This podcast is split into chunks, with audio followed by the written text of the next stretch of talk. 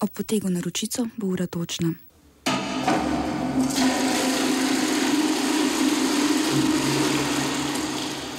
Kateri gumb pa pritisnem? Tisti, na katerem piše OF. Hrvaška postavlja ovire na meji z Bosno in Hercegovino. Podgorica postavlja kip Titu. V Indiji so kip, in to najvišjega na svetu, že postavili.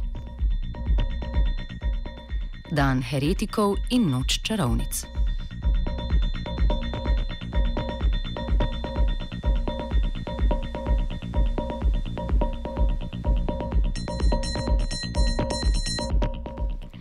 Hrvaška vlada je na predlog notranjega ministrstva sprejela dodatne ukrepe za postavljanje ovir na cestnih povezavah ob meji z Bosno in Hercegovino. Gre za dopolnitve dekreta o omejevanju cestnih komunikacij in poti na državni meji z Bosno in Hercegovino in Srbijo, sprejetega leta 2014. Po sklepu vlade bodo ukrepe izvajali na 13 novih lokacijah na meji z Bosno in Hercegovino ter namestili dodatne ovire. Ministrstvo odločitev utemeljuje s potrebo po preprečevanju ilegalnih prehodov meje zunaj mejnih prehodov.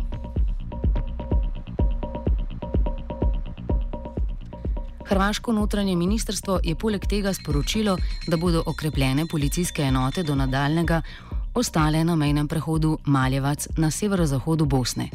Mejni prehod so včeraj zvečer po 24. oktobru spet odprli za promet potem ko so 200 migrantov bosansko-hercegovski policisti Unsko-Sanskega kantona včeraj prepeljali z mejnega prehoda v halo podjetja Miral v Veliki Kladuši.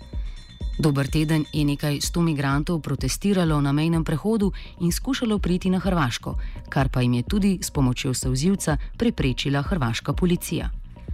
Po ocenah Mednarodne organizacije za migracije, ki spada pod okrilje Združenih narodov, je v Unsko-Sanskem kantonu v začasnih taboriščih nastanjeno do 5000 migrantov.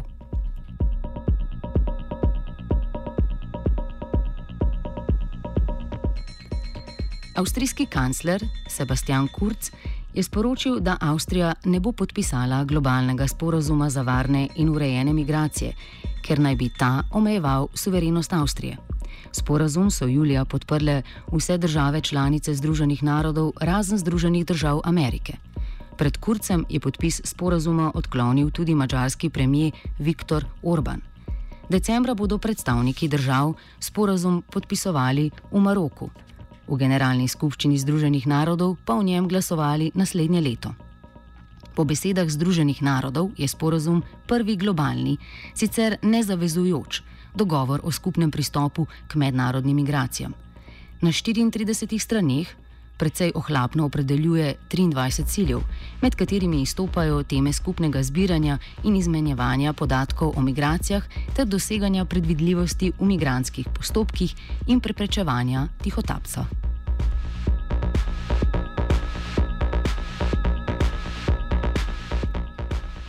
Globlje v osrčje Evrope. Nemška multinacionalka Siemens bo po zgledu ameriških tehnoloških podjetij iz Silicijeve doline v zahodnem berlinskem predelu Špendau zgradila tehnološki park Siemens Stadt. Do leta 2030 Siemens načrtuje investicijo v vrednosti 600 milijonov evrov, s katerimi bo trenutna poslopja spremenil v urbano mesto prihodnosti. Naznanitev prihaja mesec dni potem, ko je podjetje sporočilo, da v Nemčiji ukinja okrog 2900 delovnih mest, s čimer naj bi na letni ravni stroške zmanjšalo za 500 milijonov evrov.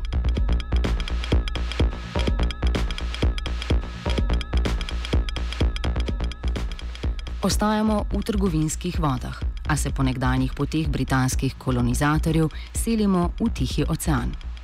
Avstralija je kot šesta država ratificirala prenovljeni sporozum o transpacifiškem partnerstvu. Po besedah novozelandskega trgovinskega ministra Davida Parkerja, ratifikacija Avstralije sproža 60-dnevni rok, v katerem bodo sprejeti prvi ukrepi za liberalizacijo trgov 11 držav, ki so marca podpisale sporazum.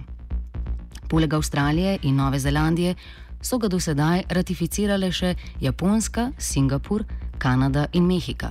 To pa morajo storiti še Vietnam, Malezija, Brunei, Peru in Čile. Sporazum je preoblikovana različica transpacifiškega partnerstva, ki ga je 11 držav podpisalo leta 2016 pod, pod, pod pokroviteljstvom Baracka Obame in ZDA. Ko je Donald Trump od sporazuma v začetku leta 2017 izstopil, je vodilno vlogo prevzela Japonska. Sporazum uvaja nižje carine, predvsem v avtomobilskem in kmetijskem sektorju.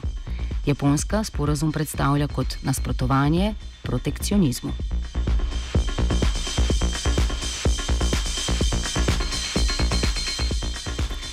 Združene države Amerike so v trgovinski vojni naložile carine na kitajske dobrine v vrednosti 250 milijard dolarjev, Kitajska pa poročilno na ameriške dobrine v vrednosti 110 milijard dolarjev. Na zadnje je ameriško trgovinsko ministrstvo na listo kitajskih podjetij, ki jim je kupovanje komponent iz ZDA prepovedano, uvrstila Fujian Jinhua Integrated Circuit, ki proizvaja integrirana vezja.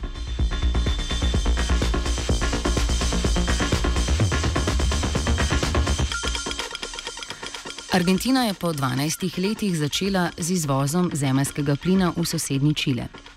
Po dogovoru, ki sta ga aprila podpisala predsednik Čila Sebastian Pinera in argentinski kolega Mauricio Macri, bo Čile dnevno prejel 750 tisoč kubičnih metrov plina. Ker je pred 12 leti Argentini zmanjkovalo lastnih zalog plina, je takrat prenehala z izvozom v Čile, ki prek 60 odstotkov energije pridobiva z uvozom. Plin Argentina pridobiva z okoljsko sporno metodo frackinga oziroma hidravličnega drobljenja iz krilavca na polju Vaca Muerta na skrajnem jugozahodu države. Prek plinovoda pa ga dobavlja v južno provinco Čila Biobio. Vaca Muerta je drugo največje nahajališče plina v skrilavcu na svetu, a je pridelava plina omejena zaradi pomankljive infrastrukture. Leta 2011 se je prodajna cena plina v Argentini povečala, potem ko je vlada delno sprostila regulacijo cen in k razvoju polja privabila tuje, predvsem ameriške korporacije, kot sta Chevron in ExxonMobil.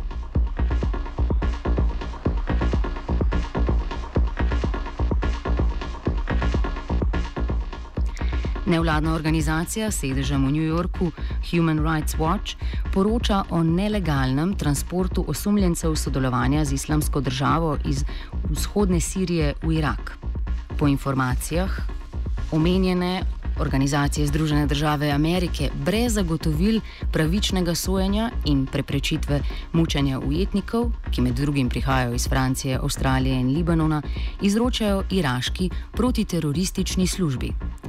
Specialno protiteroristično službo pod poveljstvom iraškega premijeja so leta 2003 ustanovile ZDA in z njo ohranile sodelovanje. Po trditvah Human Rights Watch služba muči ter tudi usmrti osumljence sodelovanja z islamsko državo. Poročilo dodaja, da sirske demokratične sile več sto pridržanih domnevnih pripadnikov islamske države želi poslati v njihove domače države na sojenje, a jih te ne sprejemajo. Sirske demokratične sile pod povestvom ZDA, katere glavnino tvorijo kurdski borci, nadzorujejo severovzhodne predele Sirije.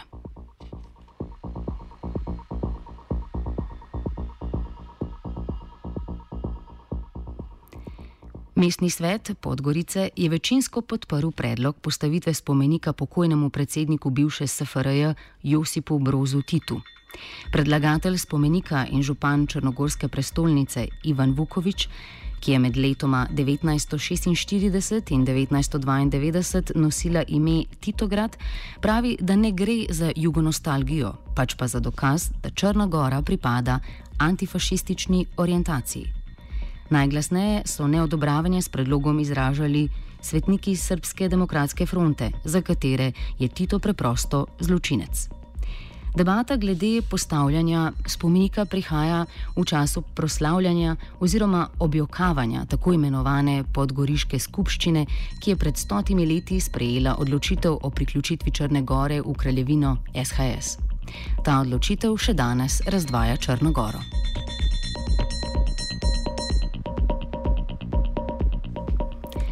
V severovzhodni indijski zvezdni državi Gujarat so slovesno odprli spomenik Valabhabaju Patelu, prvemu po osamosvojitvenemu podpredsedniku vlade. Spomenik meri kar 182 metrov ali 240, če štejemo še podstavek, in gre za pripričljivo najvišji spomenik na svetu. Odprtju ob 142-letnici rojstva Patela je prisostvoval premijer Narendra Modi, kakor tudi prek 5000 policistov. V izogib morebitnim protestom domačinov, ki trdijo, da niso bili kompenzirani za zemljišča, na katerih stoji spomenik in pripadajoča okolica.